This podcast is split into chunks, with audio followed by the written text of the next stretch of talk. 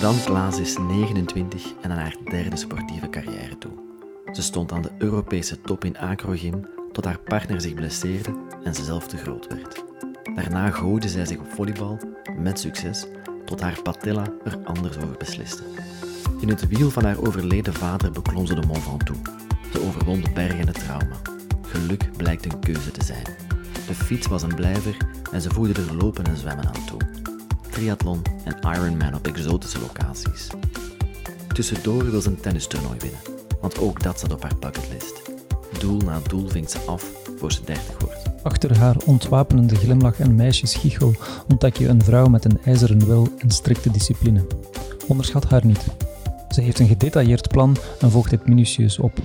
Als manager is ze ambitieus en direct, hoewel de emotie het meer dan eens overneemt.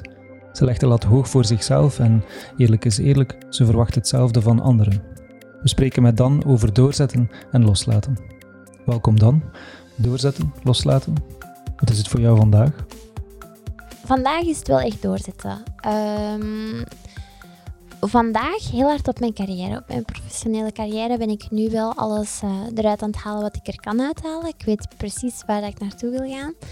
Op uh, sportief vlak um, was normaal gezien ook nog heel hard doorzetten, maar helaas um, heeft COVID er wat roet in gegooid. En uh, dus is het op dit moment een ietsje relaxer, zal ik zeggen. We hebben jou gespot op Instagram toen je een triathlon of Ironwoman aan het lopen, fietsen en zwemmen was in Brazilië.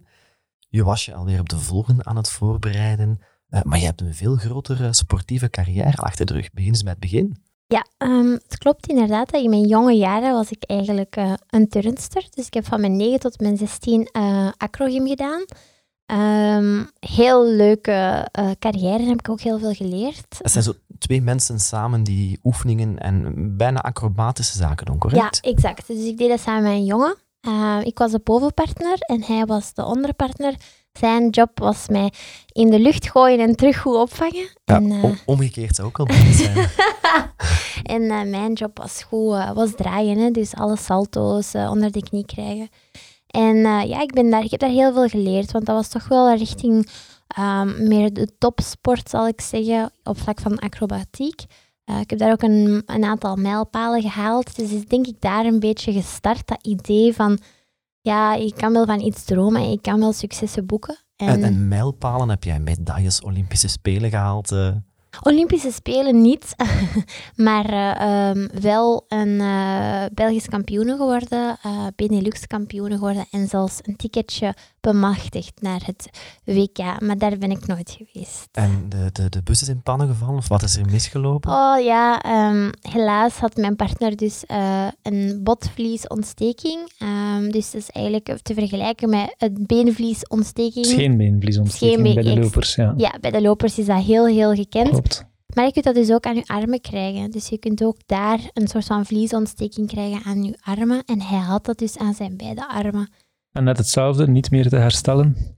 Um, hij is er wel van kunnen herstellen. Ah, ja. Hij is er kunnen herstellen, maar ik zat wel op een timeline. Mijn, uh, mijn groeihormoon was aan het tikken en ik werd eigenlijk met de dag een centimeter groter, ja. bij wijze van spreken. Ja.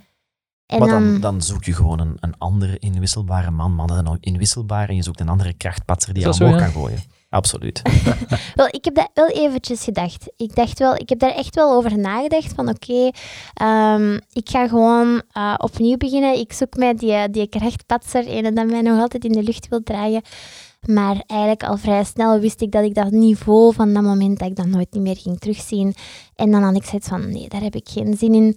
Uh, misschien is het gewoon de moment dat dit hoofdstuk dat dat wordt afgesloten en misschien moet ik wel op zoek naar een ander hoofdstuk waar dat mijn lengte minder... Uh... Gedaan, turncarrière, weg uh, Europese en andere ambities.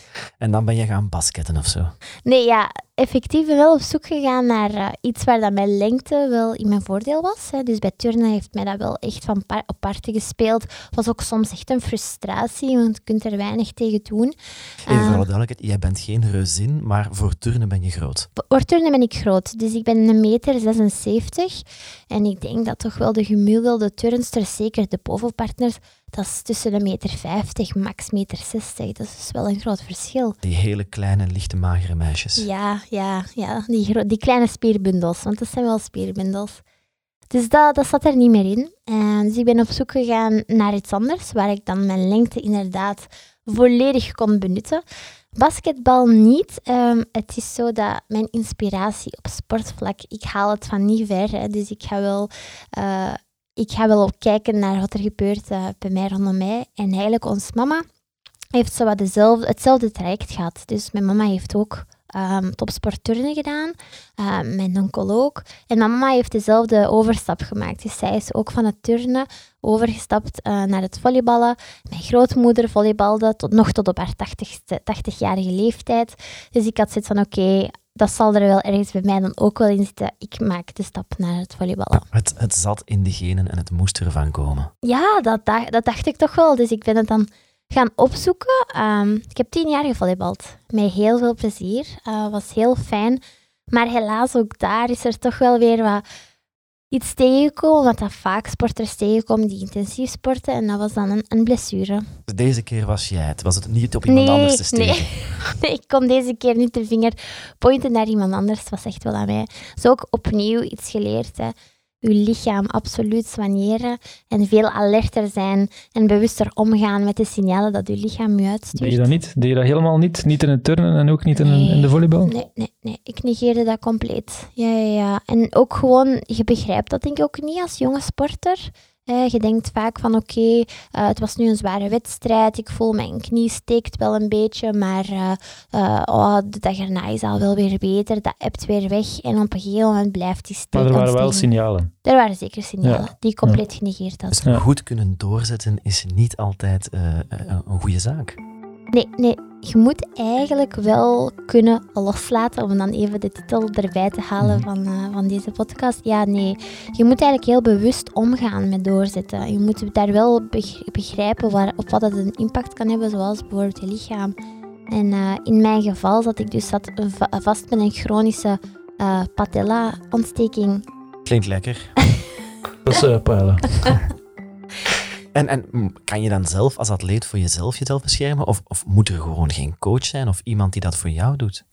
Ehm, het, het, het vervelende eigenlijk wel aan ehm, het volleybalomgeving waar ik eigenlijk toen in, in zat, en daar wil ik zeker de vingers niet naar wijzen, is dat was wel vrij amateuristisch. Hè? Dus dat is een trainer, ook iemand die dat gewoon na zijn uren Mhm. ehm, een beetje een vrijwilliger is om daar zo'n twaalf kiekjes eh, training te komen geven. Want zo is het, een beetje semi-psycholoog te zijn, want wij vrouwen, dat is niet allemaal simpel. Was dat waren- allemaal pubers nog of waren dat al volwassen vrouwen? vol- ja, een mix. Hè. Dus meestal is zo'n volleybalploeg een beetje een mix van jonge meisjes met wat talent en dan wat iets oudere dames van tussen de 30 tot misschien zelfs de 40 jaar, ehm, die eigenlijk die ploeg dan dragen en die stabiliteit eh, voorzien natuurlijk. Die De mama-kippen. de mamakippen, ja, maar die worden dan ook geprikkeld en die willen ook hun plaats eh, in de, op, op, op het veld niet afstaan aan een, aan een jong ding. En ja, dat, daar komt wel wat psychologie eh, aan te pas.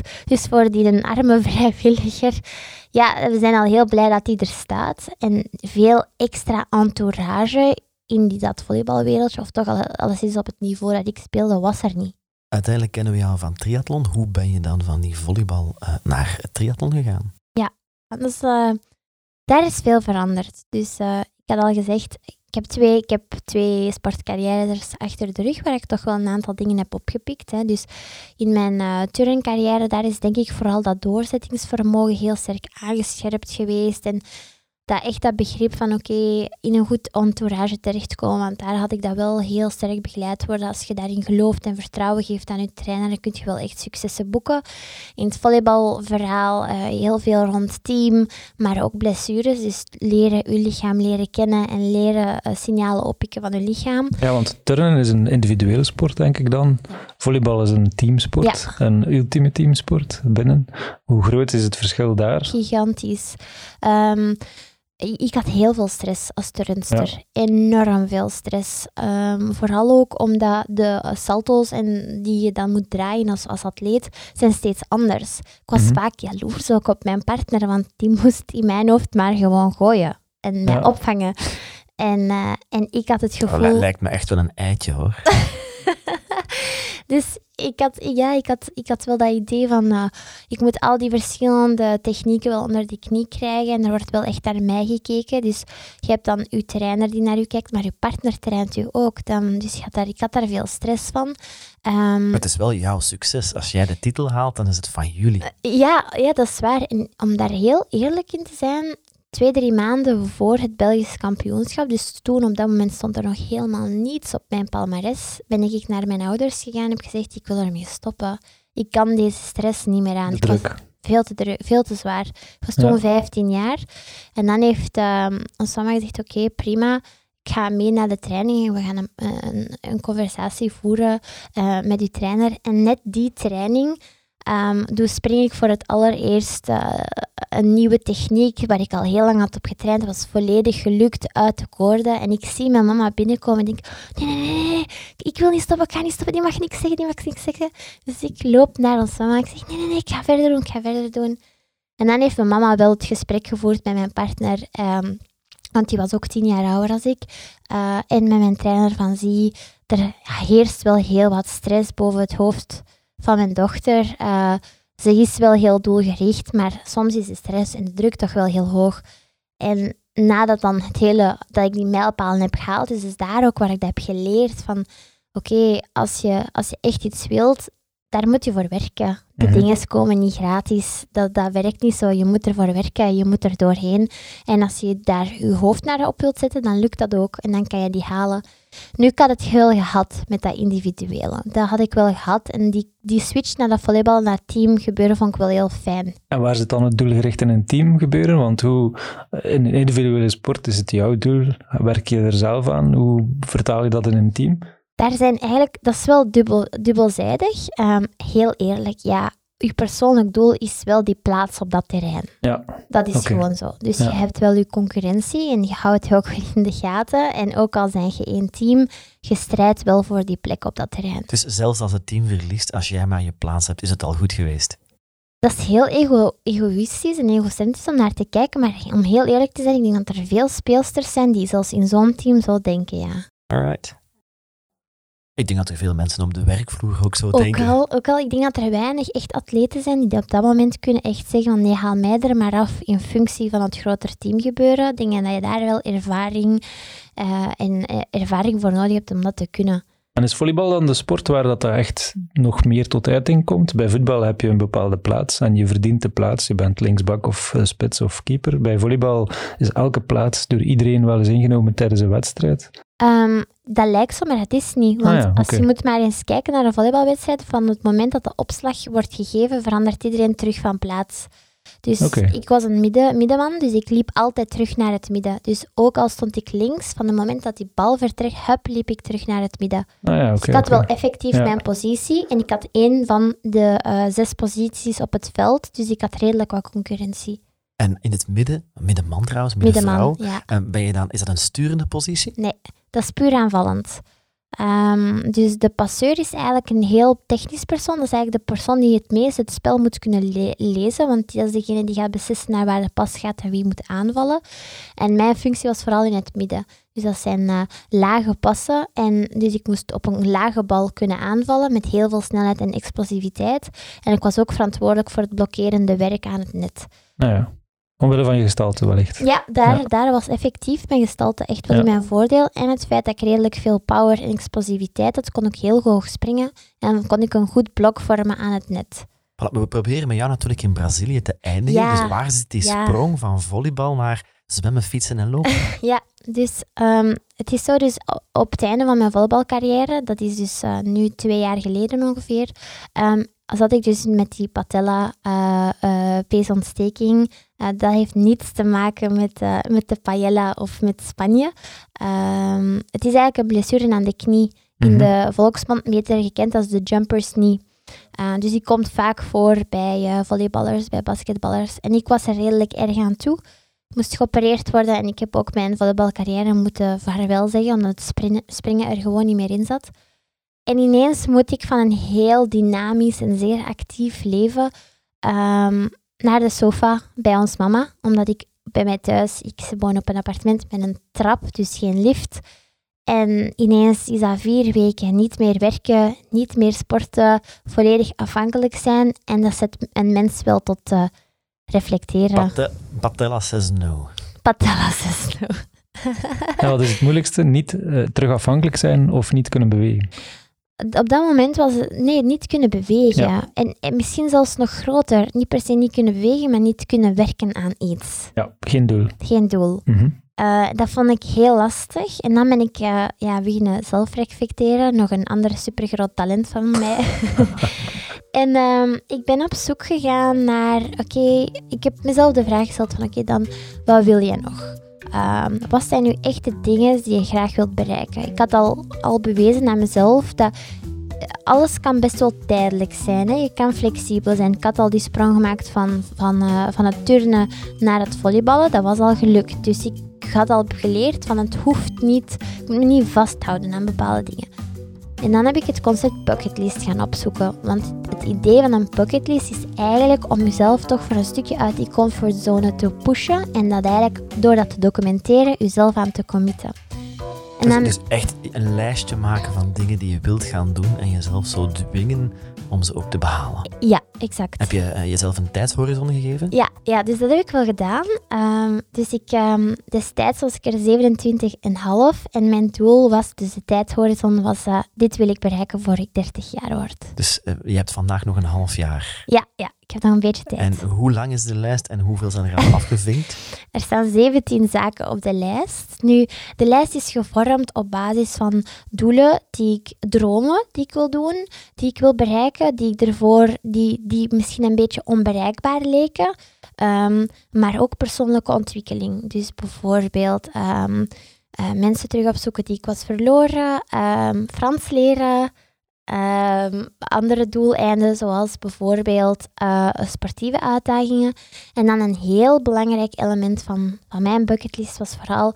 Ik heb mijn papa verloren aan, aan, aan zelfdoding. Uh, dus hij, heeft, uh, hij is, heeft zelf uit het leven gestapt. En hij was eigenlijk een enorme grote liefhebber van de fiets. Een echte coureur. Mm En ik had echt het gevoel van ik wil die terug gaan opzoeken, ik wil die, ik wil die terugvinden. En daarom was ook een van de doelen die op die lijst stonden, was eigenlijk het beklimmen van de Mont Ventoux. Ironman of triathlon stond destijds helemaal niet op de lijst. Um, de, lijst nee, de lijst was uh, de Mont Ventoux beklimmen. Ja. Want we zagen inderdaad op jouw Instagram een foto van je papa in een, in een soort van blauwe jersey en dan ook een foto van jezelf in diezelfde journey met een kritische beschrijving ervan. Ja, klopt. Um, dus ik ben ik had zoiets van, oké, ik, wil, ik wil beleven wat dat hij beleeft op de fiets. Misschien lukt me dat wel, om dan op die manier korter bij hem te komen. En um, dus dat was eigenlijk een korte race naar de Mont Ventoux, want ik had nog nooit gefietst. Ik had zelfs geen fiets. Ook niet naar school? Gewoon geen fiets? Nee, nee. Ja, nee. Ja, nee, eigenlijk ook naar school. Ik ging met de bus. Ik had ook helemaal geen interesse uh, in de fiets. Ik vond dat maar, ik vond die pakjes lelijk. ik vond dat niks voor een vrouw.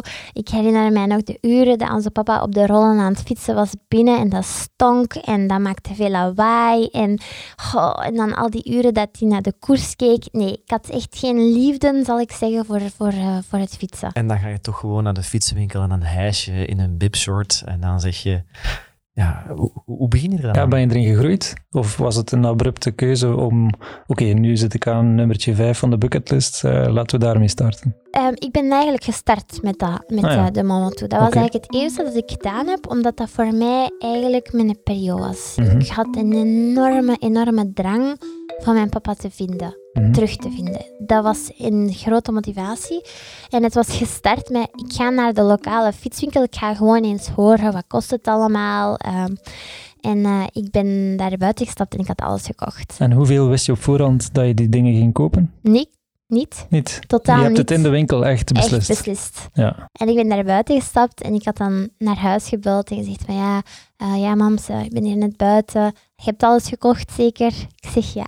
Ja. Alles steekt in mijn koffer. Jouw mama had al een beeld over eh, Ja. hoe jij bent als persoon. Ja, ja. Nu, er was wel wat, eh, wel wat angst. Hè. Eh, mijn omgeving zag dat eigenlijk niet zo zitten, dat ik die Mont Ventoux ging beklimmen. Er was veel, omdat eigenlijk als onze papa overleden is, ehm, heb ik daar de eerste eh, vier jaar ehm, heel veel last van gehad. Dus ik heb daar een serieuze eh, terugslag van gekregen. Ik heb mijn school, mijn universiteit gestopt voor een jaar. Ik heb sporten ook op hold gezet. En- hoe- oud was je dat toen dat gebeurde was? Ik was er 18. Oké. Ja, ik was 18 jaar en mijn zus 17. Dus ik heb nog een jongere zus. We schillen eh, iets meer dan een jaar. En als, ik, als we het daar even over hebben, want het trauma is denk ik wel een belangrijk gegeven in wie dat ik ben vandaag, of de Dan die hier nu vandaag zit ten opzichte van wie ik was eh, tien jaar geleden.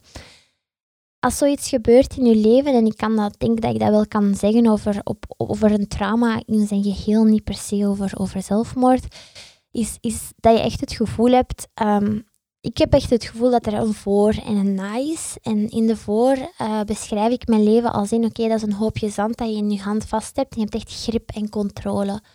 En dat, dat evenement gebeurt, dat trauma gebeurt. En dan is alsof dat je hand open gaat en het zand loopt er gewoon los door. Maar meer nog, want al het zand dat je dan nog passeert, glipt er ook gewoon door. Dus die grip en die controle is, volledig weg. En je staat op in een wereld die je eigenlijk niet meer herkent. Waar je niet meer goed in voelt, waar je niet meer thuis in voelt, waar je geen controle op hebt, waar je geen grip op hebt. En dat, dat is zo eng. Dat is heel beangstigend. En Want als, als we jou vandaag zien, hier in levende lijven of online, je lacht altijd. Ja, Hoe ben je daar dan doorgeraakt? ja, ehm, wel, in het begin ook, ik ben van karakter, lijk ik heel erg op, ons, op onze papa. Eh, mijn zus en mijn mama die lijken meer op elkaar, dus die vonden elkaar ook makkelijker in het verwerken van dat verdriet. Je merkt ook vandaag, babbel heel makkelijk over, Mhm. over, over alle dingen.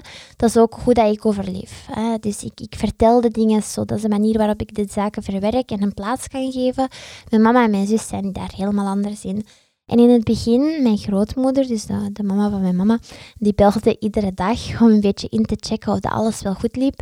En ik had veel plezier van de gesprekken die ik had met mijn grootmoeder, omdat zij eigenlijk, we vonden elkaar in dat verdriet. En wat dat zij eigenlijk deed, is zij, zij liet me zien van, ze vertelde, ervoor, eh, we hebben onze grootvader ook verloren. En ehm er werd altijd, men doet dat vaak, hè, als iemand overleed, overlijdt, dan gaat men die persoon idealiseren. Ik doe dat ook. Over de Mhm. doden niets dan goed. Ja, dat is, dat, is, dat is wat we doen. Dus dat is wat mijn grootmoeder ook deed over mijn grootvader.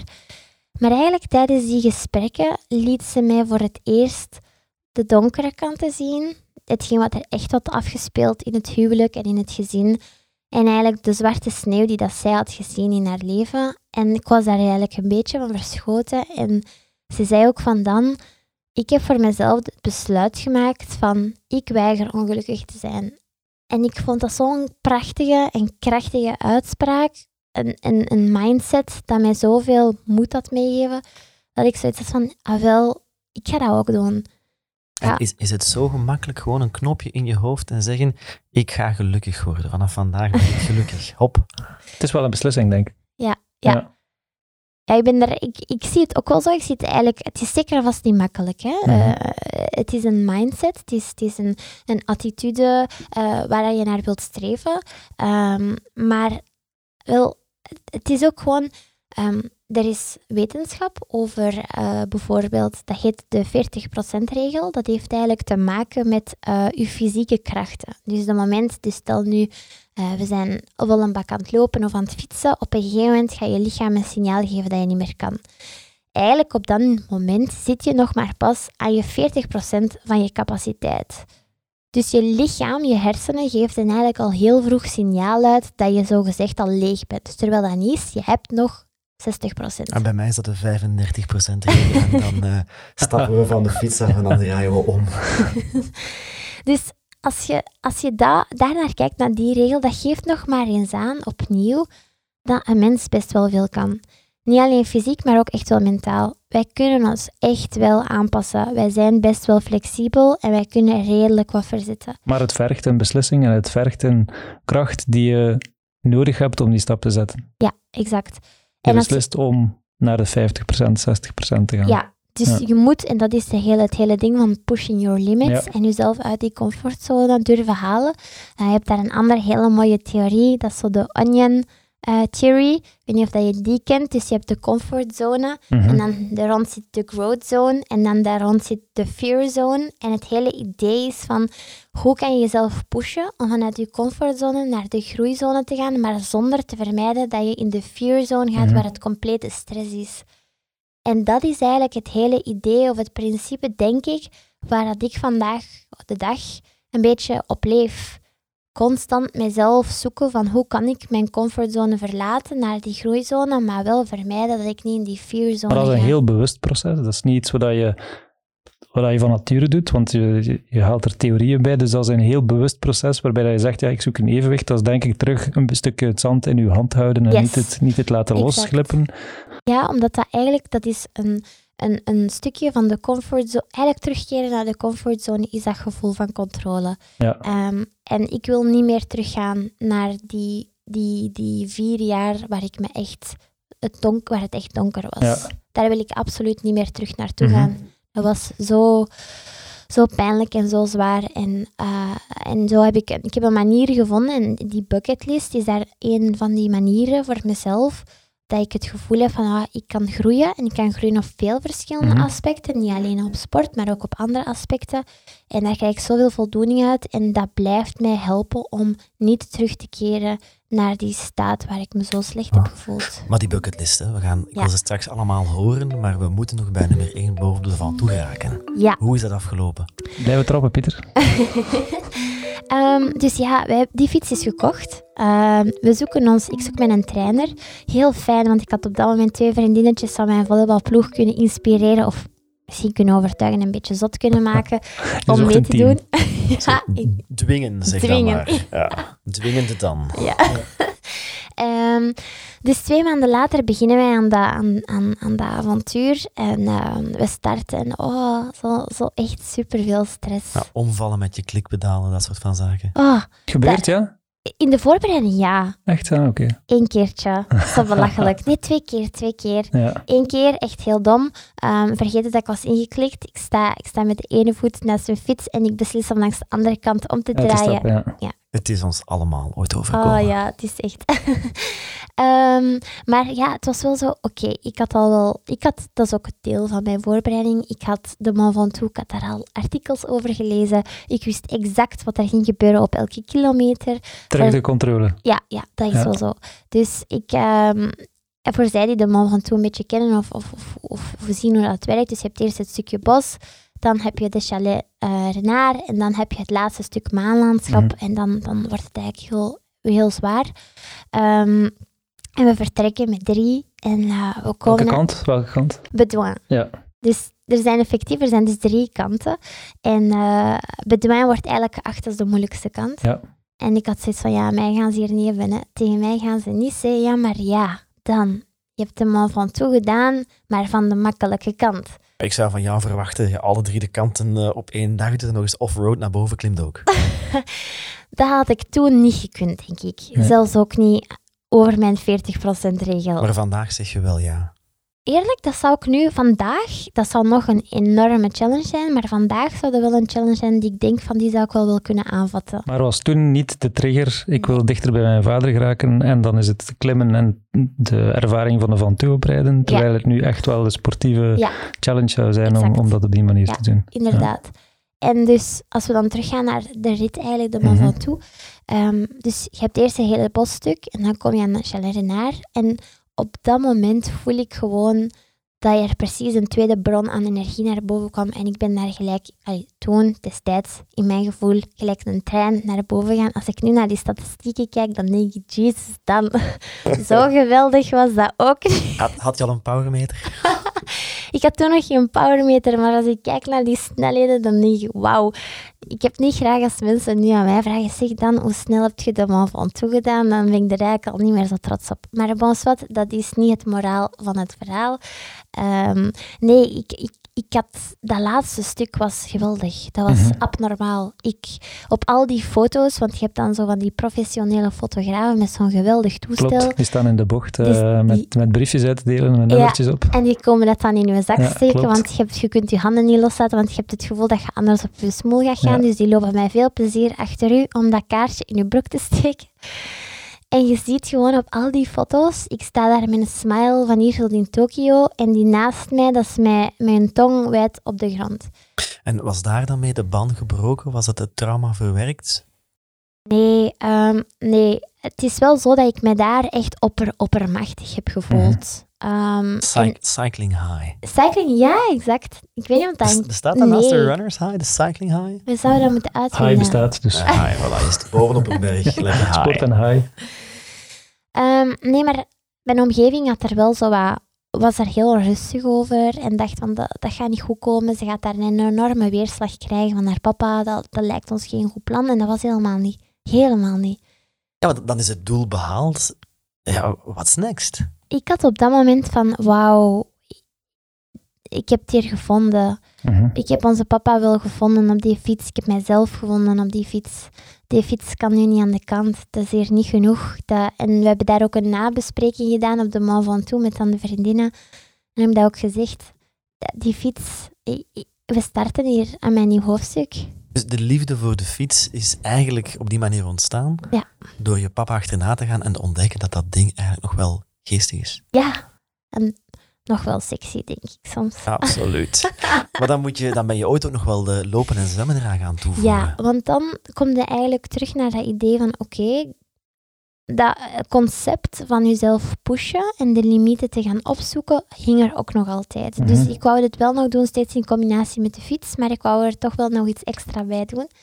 En dan dacht ik, ja, laat ons toch eerlijk zijn, het ultieme lijkt dan toch wel triathlon. Want je bent dan eind 20 en dan al deftig fietsen is niet, niet voldoende. Dat is niet goed genoeg. Nee, dat is niet goed genoeg. Oké. Want dat kon je, dus er moest iets bij. Ja, en ik, ik, ik had ook gewoon zo een, een bewondering. Een Mhm. bewondering van zo die triatleten. Die, die- dat leek bij mij zoiets onbereikbaars. Van die geweldige personen die, die al die sporten doen en dan over die meet komen. En dan kom ik terug naar die bucketlist. Wat het hele doel van die bucketlist is, om die zaken waarvan je denkt dat, je dat ze onbereikbaar zijn, op papier te zetten en te committen en ze bereikbaar te maken.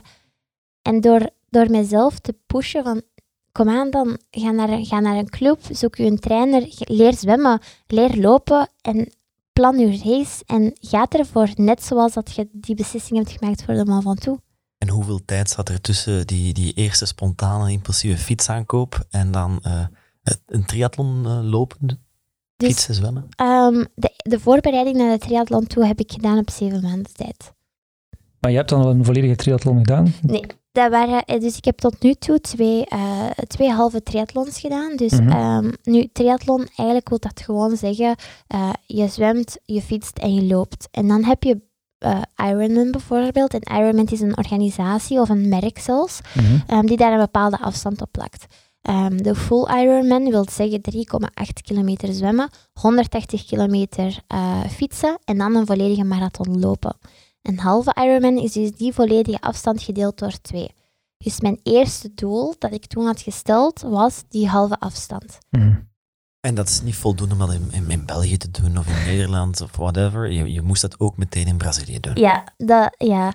ik had gewoon zoiets van, oké, ja, als ik dan... Ik had geen idee wat te verwachten. Dat was Mhm. eigenlijk een beetje terug mijn Mont Ventoux verhaal. Ehm, geen idee, misschien vind ik dat maar niets en ben ik heel trots dat ik dat gedaan heb, maar ben ik ook heel trots dat het voorbij is. Mhm. En ik dacht van, oké, daar riskeer ik wel terug opnieuw te hebben, dus ik wil dat dan absoluut niet lokaal doen. Ik Ja. wil dat dan in alle full glory, met alles erop en eraan. eh, en dan naar Brazilië gaan. Want ja, als het dan toch uiteindelijk niets wordt, en ik heb het ene keer gedaan, at least it was in Brazil, toch? Ja, absoluut. Fantastisch. En, en waar ben je nu voor aan het voorbereiden? Want zijn, ja, het, is een, het is een coronajaar. Hoe zit het met je planning? Ja, ehm, dus normaal gezien, eh, dus die halve Ironman in Brazilië, die is heel goed verlopen. Ik heb er daarna nog eentje gedaan in, ehm, in Marrakesh. En dan dacht ik van, oké, nu what's next? Hè? We, wat kunnen we nu nog... Wat was jouw tijd? Ehm, mijn tijd was um, uh, 5 uur en 57 minuten. Wow, voor een halve triathlon. Ja, dus net onder de 6 uur. Ja, mooi. Ja, ik was blij. Ik Ja, was heel kan me voorstellen. Ja, ik was heel blij. Ehm, dus ik had zoiets van, oké, ehm, laten, we voor de, eh, laten we voor de full gaan. Laten we gewoon onszelf verder pushen. Laten we gaan voor de full. En eh, zo had ik mijn pijlers eigenlijk gezet voor dit jaar op de full Ironman in Hamburg. Die Iets dichter. Iets dichter wel. Dat Ja. heb ik ook geleerd. Het is heel emotioneel, zo'n triathlon. Ehm, en je wilt je omgeving, je wilt je entourage rondom je hebben. Mhm. Ik heb eh, heel lieve vrienden en heel lieve familie die mee zijn gegaan helemaal naar Brazilië. Maar om dat nu elk jaar te doen, Ze twee keer zo zot krijgen zal ook niet lukken. nee. En Nee. waarin zit de emotie dan? Want je, je, neemt, je neemt heel veel controle over het proces, de voorbereiding. Je berekent alles, je bekijkt alles. Er zal niets aan het toeval overgelaten worden. Maar waar zit dan het stukje emotie? Omdat je leeg bent of omdat je de mensen rond jou hebt die jou gesteund hebben doorheen de voorbereiding? Wat? Ehm, ik ben heel nerveus wel voor Ja. zo'n voor zo'n wedstrijden. Dus echt gelijk de dagen en de uren ervoor ben ik super nerveus. Mhm. En dan, dan wil ik wel graag zijn bij die mensen die mij kennen en die mij, die mij echt wel kunnen ondersteunen en die mij kunnen rustig houden. En daar zijn mijn familie nu eenmaal heel sterk in Ja. om dat te doen. Dus ben ik heel blij om hen rondom mij te gaan, rondom mij te hebben. Mhm. En om nu super eerlijk te zijn, tijdens de race roep ik naar hen om te vragen hoeveelste dat ik ben. hoeveelste dat ik ben. Ja. Bestaat daar geen technologie voor? Of hoe, hoe, Ja, ik je zelf, aan? ik zelf kan niet zien waar ik zit. Dus eh, alles wordt getracked op een applicatie. Dus alle eh, supporters en zelfs mensen van op afstand kunnen die applicatie downloaden en kunnen gewoon de hele race, eh, race volgen. Zij staan met zo'n krijtbordje langs de zijkant. nee, ja, ze zoeken mij dan 150ste. wel. Nee, dat is echt, dat is eigenlijk bijna gênant om dat te zeggen. Want ik heb echt, dat is, er is echt een filmpje waar ik gewoon lig te roepen. Mama, mama, mama, hoeveelste ben ik? Hoeveelste ben ik? En dan, moet- dan roepen zij terug van, ah ja, zoveelste. Ah ja, oké. En dan, dan ga ik gewoon verder. En wat maakt het verschil dat je dat weet? Eh, het ding is bij mij, ehm, het, het, het zwemmen en het, en het fietsen ligt me redelijk goed. Het, eh, Mhm. het lopen is bij mij eigenlijk, ge- als ik mezelf zou vergelijken met de gemiddelde triatleet, vrij zwak. Dus ik kom eigenlijk wel goed uit de groep na het fietsen. En dan is het wel voor mij het nu, lopen is laatst. lopen is het laatst. Wat het mentaal toch lastig maakt. Ja, en dan, dan moet ik echt wel, dan moet ik echt ges- gest- ondersteund worden om mijzelf te blijven, blijven, blijven doorduwen en doorduwen en doorduwen. Om die plaats niet, eh, niet af te Dus in geven. plaats van een inhaalrace heb je een ingehaalde race. Ja, Ja, ik denk dat dat mentaal heel moeilijk moet zijn. Ik probeer, een- wanneer ik een lange race doe, altijd op voorhand een beetje ja, mee te zijn en te zorgen dat ik op het einde zeker niet ingehaald word, maar mijn krachten halen uit het laatste stuk mensen inhalen, dat geeft mij energie. En bij jou is het helemaal andersom. he- maar Dus je deelt de wedstrijd ook helemaal andersom dan. helemaal, maar gelijk Ja. helemaal andersom. Ge- Ja. Geen grap, maar ik word op het loopparcours voor, door iedereen ingehaald. Ik haal niemand in. Hoeveel zin heb je dan om te stoppen? Stoppen niet. Stoppen niet. Ja. Ehm, eh, daar is het gewoon lastig, want bijvoorbeeld nu in, in, in Brazilië, eh, om u daar een idee te geven, na de fiets ben ik eh, uit mijn age category, zat ik op nummer 5. Ik was nummer 5 op dat moment. En ik ben helemaal Dat wil weg. je toch vasthouden? Ah, wel ja. En dat is mij niet gelukt. Ik ben wel weggezakt Ja. naar, naar positie 11.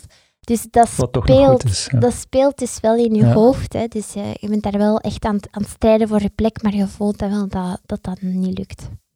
Ik ben geweldig gefascineerd door het concept van de bucketlist. Eh, je hebt al nummertje 1 verteld. eh, die, die full Ironman of triathlon moet er ook van Ik komen. wacht op een aflevering met jouw bucketlist. Eh, ja. ik, ik zal er later nog iets over vertellen. Mijn broer heeft me ooit gedwongen om ambities op te schrijven. Dat is ook een heel prestatiegedreven iemand. Want als je ze opschrijft, dan zou de kans dat je ze waarmaakt veel hoger denken zijn. is doen. Voilà, dus, Sowieso. eh, eh, voor we van de zaak eh, verdwijnen, ehm, wat staat er nog op die bucketlist?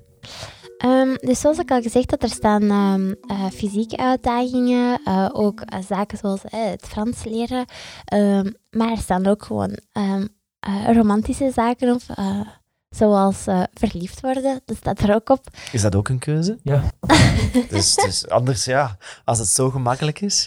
Ehm, dat is uit de comfortzone toch? dat is wel echt, ja, Ja. dat is uit de comfortzone. Dat is weinig, Eh, weinig controle. Hè? dat is weinig controle. Nu, daar, dat is gewoon... in die oefening van, van wat zou ik graag wensen voor mezelf, dan had ik dat wel op dat lijstje gezet. Mhm. Ehm, is dat iets waar ik specifiek naar strijd voor mijn dertigste? Nee, absoluut niet. Maar eh, misschien ja, iemand met een witte fiets eh, waar ik dan in het wiel kan hangen, dat zou leuk zijn. En ben je daar ook data gedreven? Hij moet een meter 88 zijn, dat is een body mass index enzovoort. Nee, nee. Moet, moet het een sporter zijn? En, en, Met de fiets. ja, en kan het iemand zijn die, die een even sterk karakter heeft als jij? Want dat is toch koekenbak iedere dag.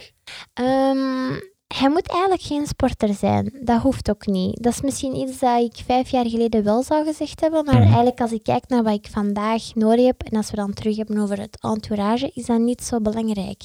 Ehm, iemand actief wel, want dat vind ik wel nog een verschil. Dus ik, ik ben ook gewoon in mijn... eh, als ik op vakantie ben, ben ik een actief iemand. Ik zit, lig niet graag heel de dag aan het zwembad, dus ik heb wel graag iemand naast mij die ook actief is. Maar iemand die even prestatiegericht is als ik, is misschien niet zo'n goed idee. Ehm, ik, kan, ik kan nogal heel... Ik ben, denk ik, om mee samen te nee, ik denk dat niet, ik weet dat. eh, een druk persoon. Eh, ik, kan, ik heb mijn doelen, ik ben, ik ben relatief eh, dominant, ik weet wat ik wil. En om dan iemand naast mij te hebben staan die dan ook even eh, gedreven is in al, zijn, in al zijn vlaggen, kan dat soms wel eens clashen. Nog een laatste bucketlist? Wat er ook nog op mijn bucketlist staat, is ik zou eigenlijk ehm, heel graag een tennistoernooi winnen. Oké, Roland Garros, eh, US Open, kies maar. Nee, eh, ook zo weer iets heel onnozel. Ehm, toen ik nog volleybal speelde, dan, ja, wij hebben altijd een zomerstop. En dan ehm, maak ik er graag gebruik van om tijdens die zomerstop eigenlijk op zoek te gaan naar een nieuwe activiteit. Mhm. En zo had ik Want twee... rusten in een rustperiode is nooit een goed idee. Nee, nee. Actieve weer... levensstijl. Actieve levensstijl. Ja, voilà. Dat is toch weer een moment om iets nieuws te ontdekken. Dat vind ik wel leuk. En eh ben dan zo aan het tennissen gegaan. En ehm, ik had tennisles, tennisles genomen. Dat is ook wel typisch ik. Ik wil dat niet zo, dan wil ik dat ook te gooi doen. Met alles erop en eraan. Dus oké, tennisles. En eh, ik wilde heel graag een toernooi spelen. Maar thuis vonden ze dat nogal een, een, een stom idee. Want ik ging toch van het kastje naar de muur gespeeld worden. Want ik had geen regelmaat. Ik ging heel veel fouten maken. En dat vonden ze maar dom. Maar dan was ik eens gaan spelen met, eh, met mijn onkel. En die was helemaal van een andere mening. Die vond dat je in een toernooi het meeste leerde. En ehm, ik had me ingeschreven voor een toernooi. En dan opnieuw mijn familie overtuigd om eh, daar toch in full support te staan voor mijn onnozele tennismatch. Ehm, Weer een laken dat tot spandoek verwerkt werd. dat is, het is ongelooflijk. En eh, ik begin daar aan die tennismatch en niemand had het verwacht, maar ik ga dat gewoon winnen. Geen grap, maar ik ga dat gewoon winnen. Ik moet nog één balletje kloppen dat ze niet kan pakken en ik heb die match gewonnen. En ze speelt nog één korte bal. Ik denk, ja, maar nee, ze. dat heb ik gezien en ik loop echt gelijk een wervelwind naar voren en ik slaag mijn voet om. Patella. Nee, geen patella. Mijn enkel, mijn enkel omslagen en eh, ja, het was gedaan. Hoe Tenniscarrière. lang, hoe lang geleden?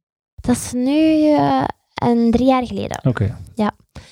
Dus het was voorbij, de tenniscarrière. En dan, eh, en dan dacht ik zoiets van, ja, maar eh, ik, ga, ik ga terugkomen. Ik ga Een terugkomen. Kim Kleistertje doen. Ja, een comeback. En ik doe geen tennismatch winnen, maar een volledig Ja. toernooi. Oké. Ehm, en hoe ver sta je daar nu van? Want je hebt nog een half jaar om een tennistoernooi te winnen, denk ik dan, op de bucketlist. Ja, de bucketlist, inderdaad, dit jaar, hè, 2020, maar alles met corona heeft er echt wel veel routing gedaan. Dus er staan nog redelijk wat topics open op mijn bucketlist.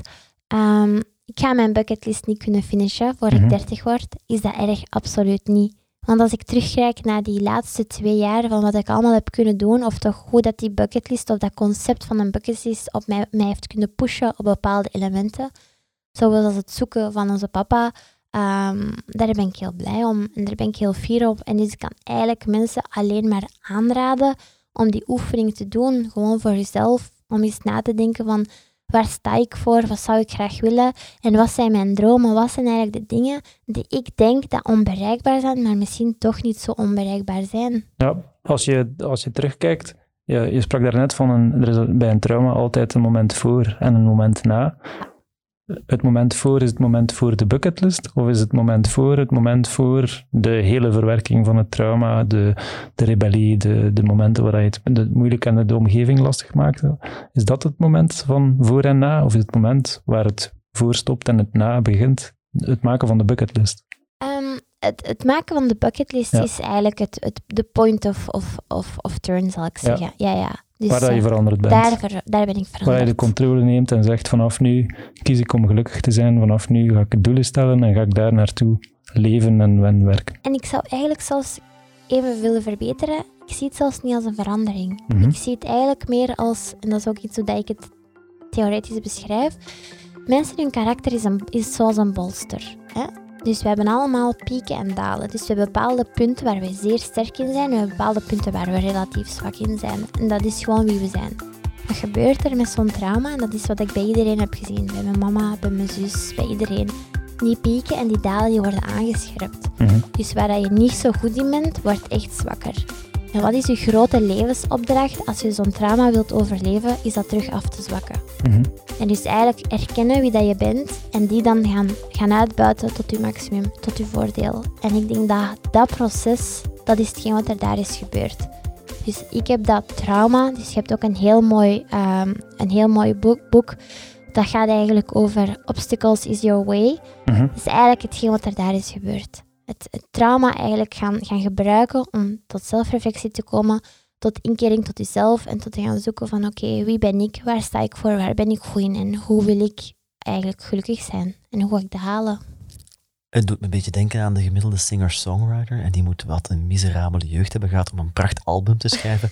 Blijkbaar is het bij sporters ook zo. Misschien is mijn gelukkige jeugd dan ook een, eh, een teken waarom ik sportief waardeloos ben. Maar goed, wij voegen die bucketlist toe aan onze standaardlijst van vragen. Maar wat we niet mogen vergeten is, tijdens al die sportieve carrières was jij aan het studeren, was jij aan het werken en ook geen klein beetje. Vertel. Nee, klopt. Ehm, ik ben van, van aard wel, eh, wel inderdaad heel ambitieus, dus ik Oei, heb niet al... laten we niet door. Dus ik heb niet alleen eh, eh, doelen op sportief vlak, maar absoluut ook doelen op, eh, op carrièrevlak. Ehm, dus ik ben eigenlijk ben afgestudeerd als TUW'er ehm in Leuven, aan de Universiteit van Leuven. En dan ben ik eigenlijk aan de slag gegaan bij een ehm, consultancyagentschap in het Brusselse. En wat dat ze eigenlijk doen, is eh, bedrijven eh, aanbevelingen doen hoe dat ze eigenlijk op digitaal vlak zichzelf kunnen versterken. En dus eigenlijk mee kunnen zijn met deze digitale wereld. Het is helemaal digitale transformatie. eh, Ja, ja. Mooi. Ja. Maar weer dus heel analytisch, heel bedachtzaam, ja, eh, ja. planmatig, doelgericht naar iets toe werken. Ja, exact. Ehm, ik ben daar gestart als schoolverlater en dat is opnieuw hetgeen wat ik ook heb geobserveerd, is als we teruggrijpen naar de sportcarrières die ik al achter de rug heb, dat entourage of die omgeving Mhm. is enorm belangrijk, is een groot onderdeel, eh, onderdeel van succes. Stond je mama je dan aan, te moedigen op het werk? Nee, net niet. Ehm, maar tijdens de studies, tijdens studies, ja, ja, ja. ze bracht de soep. Nee, ze bracht, nee, ze bracht niet de soep, maar ze, ze ging het wel kopen en ze Ja. ging de chips wel halen en, Ja. en, en de chocolade en alles wat we graag aten, dat was er allemaal, werd allemaal wel voorzien. Ehm, maar ik ben daar echt in een omgeving terechtgekomen waar dat ik naar mijn gevoel het idee heb dat ze daar een rode loper hebben uitgerold waar ik maar gewoon moet overwandelen. Jij was de young potential van het bedrijf. Dat concept wordt bij ons op bureau niet gebruikt. Management trainee. Ehm, nee, maar ik heb daar wel eh, effectief de kansen gekregen, ehm, de opportuniteiten gekregen. En als je dan op dat moment ook beslist van oké, ik grijp ze en ik neem ze met mijn twee handen en ik wil ervoor werken, ja, dan, dan kunnen de successen wel volgen. Want heb je ze gekregen of heb je ze gecreëerd? Ja, Ik heb, ze- ik heb heb je ze ze, uitgesproken. Ik heb, ja, dat is wel iets dat, dat is iets dat ik nu doe. Dat, heb ik, Ja. dat deed ik in het begin niet. Daar ging ik wel ehm, opportuniteiten eerder grijpen. Vandaag zie ik wel dat er heel veel voordeel is van durven uitspreken wat je wilt. En ik ben daar ook op het werk heel vocaal over. Lekker bedreigend. ik wil jouw job. Ik wil jouw plaats op het veld. Ja, maar effectief, ik, ik, heb, ik weet exact waar, dat, waar ik naartoe wil Ja. binnen dat bedrijf. En ik heb daar ook mijn timing voor in mijn hoofd. Ik weet ook precies wat ik nog wil bereiken om dat te kunnen doen. Dus dat ligt, dat is wel gepland opnieuw. En dat wordt aanvaard door iedereen. Iedereen is daarmee akkoord. Maar die teamgenoten van 30 en 40 die dan denken, wat komt dat jonge wicht hier doen? Ehm, ehm, vandaag wordt dat aanvaard, ja. En ik denk dat dat ook gewoon is omdat ik al bewezen heb wat, wat, dat, wat dat kan. Ehm, en vandaag zijn er effectief gesprekken over, ja. en dat wordt aanvaard en ik mag, daar wordt open over gecommuniceerd en daar zijn ook plannen voor. Hard moet je dan doorzetten? Hoe, hoe- hoeveel is er van jou en hoeveel wordt er dan rode loper uitgelegd? Waar zit het aspect doorzetten daar?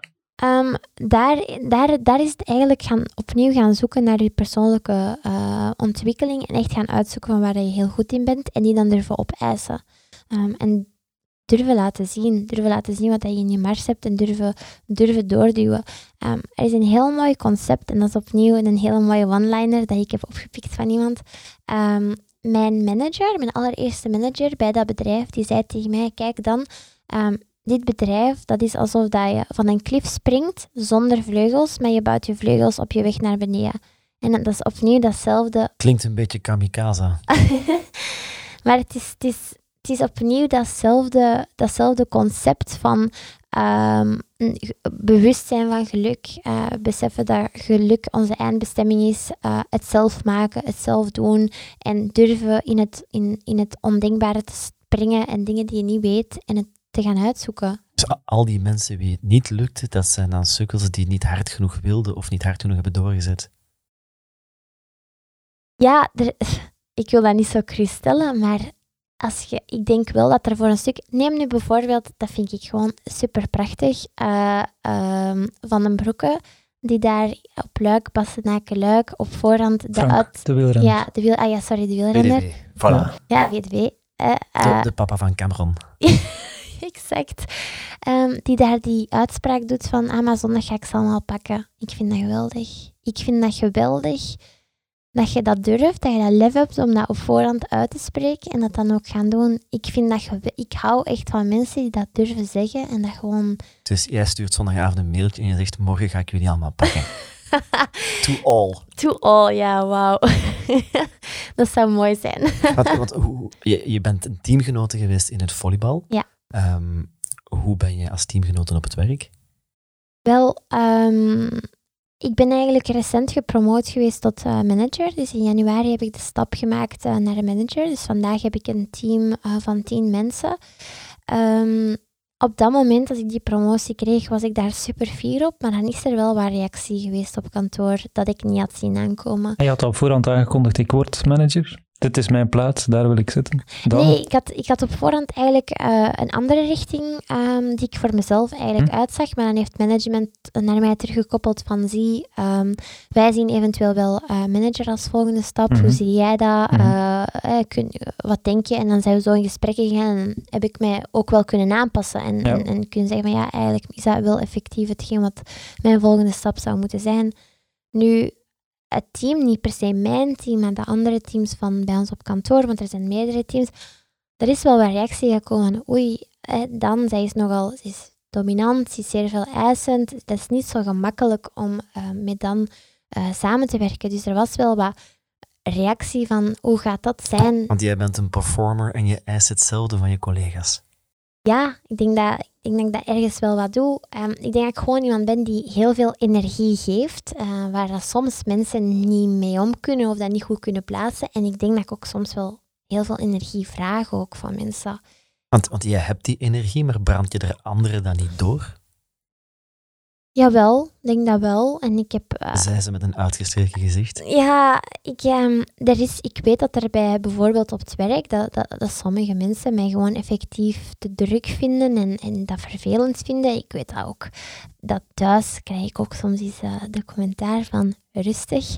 Eh, dus dat is zeker zo. Dat is zeker zo. En dat heb ik ook weer opnieuw moeten leren van dit moet ik aanpassen. Want die feedback was hard en dat is ook het moment dat ik me niet zo goed voel en ik denk van oké, hier moeten we hier moeten we wel aan gaan aan bijs- bijsleutelen. Want ik zou niet graag hebben dat mensen in mijn team niet opnieuw ook van die comfortzone naar die growthzone zouden kunnen gaan. Ik zou graag, net zoals dat mijn management aan mij die omgeving heeft kunnen creëren van vertrouwen, waar er ruimte was voor te ontwikkelen. Ja, mijn grootste doel is om exact hetzelfde te kunnen bieden aan die tien mensen. Dus daar moet ik wel iets aan doen. Dus het individuele belang primeert toch niet op het teambelang. Nee. Oké, maar eh, als je zegt ik ben veel eisend, je, je bent doelmatig, ehm, je legt de lat even hoog voor jezelf als voor het team? Of je legt de lat voor jouzelf hoger dan voor het team? Je bent verdraagzamer tegenover het team dan tegenover jezelf. Hoe zie je dat? Ik heb geleerd om de lat voor mijn team lager te leggen. Dat- En dat is makkelijk om te doen? Dat deed ik van nature niet. Nee. Nee. dat deed ik niet van nature. En dat is eigenlijk door die feedback dat ik heb beseft van oké, ik moet die lat lager leggen, want ik maak het... Ik, wil, ik maak het voor sommige mensen gewoon te moeilijk. En soms is misschien iets minder ook goed genoeg. En veel comfortabeler en belangrijk is dat primeert dat wel. Dat, dat de omgeving die ik daardoor kan creëren belangrijker is dan wat dat een effectief het verschil zal zijn in Ja, eindresultaat. of moet je er omgekeerd naar kijken? hè? Je hebt, je hebt de lat waar ze moet liggen en je hebt beslist om ze voor jezelf toch hoger te leggen. Wel, ik heb vorige week effectief mijn, eh, mijn review gekregen. ehm, en een van de punten was effectief dat ik iets minder eh veeleisend eh, zou moeten zijn. Dus die lat misschien effectief wat lager leggen. Wat zijn je andere zwaktes? Ik moet zeggen, wat zijn je andere werkpunten? En waar ben je nog zwak in professioneel? Eh, professioneel, ehm, wel, het komt een beetje terug op het feit dat, dat ik vrij dominant ben, maar ook heel passioneel. En dat brengt me soms wel wat Het klinkt als de betere annonce alvast. Ja. Wel, ehm, waar heb ik dan last is dat bijvoorbeeld politieke gesprekken vind ik moeilijk, omdat ik zo een idee van Je wat bent recht door zee. Ja, eh, hier sta ik voor, dit is wat Ja. ik wil, dit is wat ik denk en ehm, dat werkt niet niet de al. beste aanpak voor een diplomatische onderhandeling. Nee, en dat heb ik ook meegemaakt in mijn carrière. Dat, daar ben ik al door tegen de lamp gelopen. Ehm, nu, En passie, nog, nog meer passie op het werk? Eh, passie, dat, het, het, het gevolg van passie, en dat is, is emotie. Die twee zijn eigenlijk niet echt los te koppelen. En dus wat gebeurt er, is dat ik op het werk mezelf wel echt kan verliezen, echt, echt in pure emotie. En dat de tra- tranen effectief over mijn wangen kunnen rollen. En dat uh, management dus al elk jaar in mijn review tegen mij moet zeggen, dan iets minder wenen. En je weent omdat je het... Uh, wat is de reden dan? De reden is meestal omdat ik zo diep in mijn werk zit en zo. Wat ik, wat ik heel vervelend vind en, en niet fijn vind, is dat ik, dat ik iets doe met heel veel passie en met heel veel geloof en waar ik achter sta, maar dat het niet erkend wordt door de andere partij of, of, of de mensen waar ik mee samenwerk. En dan De ik... ontbrekende supporters aan ja, de meet. Ja, eigenlijk Ja. wel. Eigenlijk Ja. wel. Maar je sprak over de 40%-regel. Als je daar structureel boven zit, ja, dan loop je ooit in de verzuring. Dan zit je in het rood en dan ga je tegen de muur. Ja. Heb je de muur al van dichtbij gezien? Ja. Ja, absoluut. Ehm, ik heb eigenlijk eh, de grote fout gemaakt om na de Ironman, de halve Ironman van Brazilië, vrij snel een nieuwe Ironman te plannen. En ik had niet verwacht dat de decompressie die eigenlijk nodig was, of wat er na Ironman van Brazilië volgde, dat daar echt tijd voor nodig was. Dat mijn lichaam nood had aan rust, maar mijn, mijn leven had nood aan rust. En de spanning moest eigenlijk even van de rekker. En dat heb ik niet gedaan. En wat is er dan gebeurd, is dat ik effectief bijna ja, slachtoffer word van uw eigen, van uw eigen passie. En dat eigenlijk eh, hetgeen wat je zo graag doet, wordt eigenlijk ineens een straf en wordt een opgave. En dan sukkelde ik echt met momenten waar ik dacht van oké, ofwel ga ik nu trainen en heel gezond eten, ofwel ga ik gewoon totaal los en ga ik niet trainen, ga ik naar het fritkot, neem ik die drie vleesjes, stop ik ook nog aan de nachtwinkel, neem ik nog een zak Maltesers en een fles wijn. Klinkt als mijn wekelijkse vrijdagavond. Ervoor gaan is ervoor gaan. Ja, maar dan voelt u niet goed. Nee, ja, dat klopt. Want dan, dan gaan we terug naar dat moment waar die, waar die controle eigenlijk Ja, terug weer weg Waar het is. zand uit, eh, uit het hand ligt. Ja, en dan voelt je je dus effectief weer niet goed. En dat was, weer, dat was eigenlijk een moment toch wel van een aantal weken. Dat heeft twee maanden geduurd dat ik er niet uit geraakte. Mhm. Fiets aan de haak. Fiets heb ik niet aan de haak gehangen, want ik zat nog wel met, die doel, met dat doel van Marrakesh. Dus ik, had niet, ik kon niet stoppen. De vlucht was geboekt. Je kon Ja. wel, maar je deed het niet. Nee. Het feit dat je het wat uitgesproken Maakte maakte, dat dat, ik- je het niet kon. Ja, voilà. Ja. Ehm, maar dan ben ik wel hulp gaan zoeken. Dus Ja. in die zin ben ik dus naar Energy Lab gegaan. Mhm. om eh, even alles in kaart te brengen. ehm, en dan bleek eigenlijk dat effe- effectief mijn ritme, de, de manier dat mijn leven was georganiseerd, dat, dat zat niet goed. Ehm, Want zij analyseerden niet alleen jouw lichaam, uh, maar ook jouw volledige gewoonte van trainen en het ritme waarin dat je de, de, de, zaken deed? Ja, exact. Ja. Dus ik ben daar um, voor zij die ooit uh, het lichaam van Koppens hebben gezien ja. en, de, en de hele strijd naar uh, fotomodel worden, um, dan hebben zij op een gegeven moment zijn ze ook naar Energy Lab gegaan en zijn ze onder die onder die tunnel mhm. gegaan om alles te meten. Dat heb ik ook gedaan. En dan krijg je inderdaad een gesprek. En dan is de bedoeling dat je in kaart brengt van wat je eetgewoontes zijn, maar ook wat je sportverbruik is. Um, hoe is je leven georganiseerd? Hoeveel uren per dag zit je op het werk? Hoe lang ben je onderweg? Mhm. Wanneer plan je je trainingen? Hoeveel slaap je? En dan was er eigenlijk uitgekomen dat de manier dat ik trainingen en werk met elkaar plande en organiseerde, dat dat verre van optimaal was. Mm Maar je deed het te passie. Ja, en dan, dan eigenlijk um, hadden zij mij aangeraden om daar een aantal zaken in te veranderen. Mhm. Ehm, door bijvoorbeeld mijn werkritme te verlaten, dus een beetje later te starten met het werk en de trainingen af te werken voor het werk. Mijn eerste idee was... Dat kon? Je zag dat zitten? Ik dacht eerst van, nee, dat is niet mogelijk. Dat gaat ook niet met mijn werk. Maar dan toch dat gesprek aangeknoopt um, met het management. En dan zeiden ze, ja, is er, hebben daar toch een middenweg in gevonden om die flexibiliteit uh, mogelijk te maken. En pas als, je, als je iets minder weent, dan mag je iets vaker van thuis aan het werken. Zoiets ongeveer. Uh, Streepjes bijhouden. Maar door dat, door dat ritme en te gaan verschuiven en effectief s'morgens te gaan trainen en dan te gaan werken zodat je s'avonds het gevoel hebt dat je dag voorbij is, dat helpt. Dat heeft mij terug balans gegeven. Ik herinner me van die episode van het lichaam van Koppels vooral dat een sixpack leidt tot een verlies in libido. Dus ik begin er maar niet aan. um, vraagje. Ik ga opnieuw beginnen. Um... vraagje. Is het ooit genoeg? Dat is, een, dat is een vraag die ik eigenlijk heel vaak krijg. Um, nee. Ben je ooit doelloos? Nee. Nee. Um, ik heb altijd wel iets nieuws nodig. Um, liefst op dit moment in wat ik nu doe. Dus meer van triathlon, meer van mijn werk. Dat is, dat is op deze moment wat ik heel graag wil. Um, uh, daar wil ik de grenzen verleggen. Dus ik wil, ik wil verder gaan in mijn, carrière um, op, op uh, professioneel gebied. Ik wil verder gaan in dat triathlonverhaal. Uh, maar, en dat is ook hetgeen wat dat ik opnieuw echt heb geleerd, is dat ik wil me daar niet op blind staren. Ik wil mij, dat, dat moet wel ergens flexibel zijn. Ik heb ook kunnen wisselen van turnen naar volleybal en naar triathlon. En ik heb eigenlijk wel aangevoeld dat we dat kunnen. Ik vind dat eigenlijk bewonderenswaardig. Veel mensen, en ik betrap mezelf er ook op om de lat steeds in dezelfde focus hoger te leggen, maar voor jou ligt dat niet vast. Nee. Je kan echt zo switchen naar, oké, en nu doe ik iets anders. Ik begin, ik ga naar de winkel, ik koop mijn volledige outfit en dan start ik maar. Dat is niet evident. Nee, dat zal. Dat, zal, dat is niet evident, maar als je op een gegeven moment voelt dat de focus waar je nu in mhm. zit, je niet meer dat geluk geeft, zoals op een gegeven moment dat turnen ik ging geen betere turner worden. Wat voor mij een stuk belangrijker was, mijn verhaal was daarop. Ja. Ik ging op volleybal geen een betere volleybal worden, want ik zat daar met, met een blessure. Het was daarop. Maar dat is daar dan uit de comfortzone komen, want je zit in de comfortzone en dan is het makkelijk om de volgende stap in dezelfde focus te leggen. Want dat is ook het moeilijke, als je bijvoorbeeld kan snowboarden en je denkt, ik wil toch ook graag leren skiën, ja, dan begin je van niks en dan mag je op de baby pissen en dan kent heel de omgeving, je weet hoe het werkt en dan sta je daar te sukkelen. Dan moet je toch ongelooflijk gemotiveerd zijn. En, wel, en toch zou ik echt aanraden om dat te doen. Dat meen ik echt. Dat gaat u misschien een paar dagen kosten uh, of een paar skivakanties. Maar je gaat er zoveel plezier van hebben als je dat doel hebt bereikt en dat je dan niet ziet dat dat, dat, dat niet kan. Eerst dat kan wel. op de bucketlist. Ja.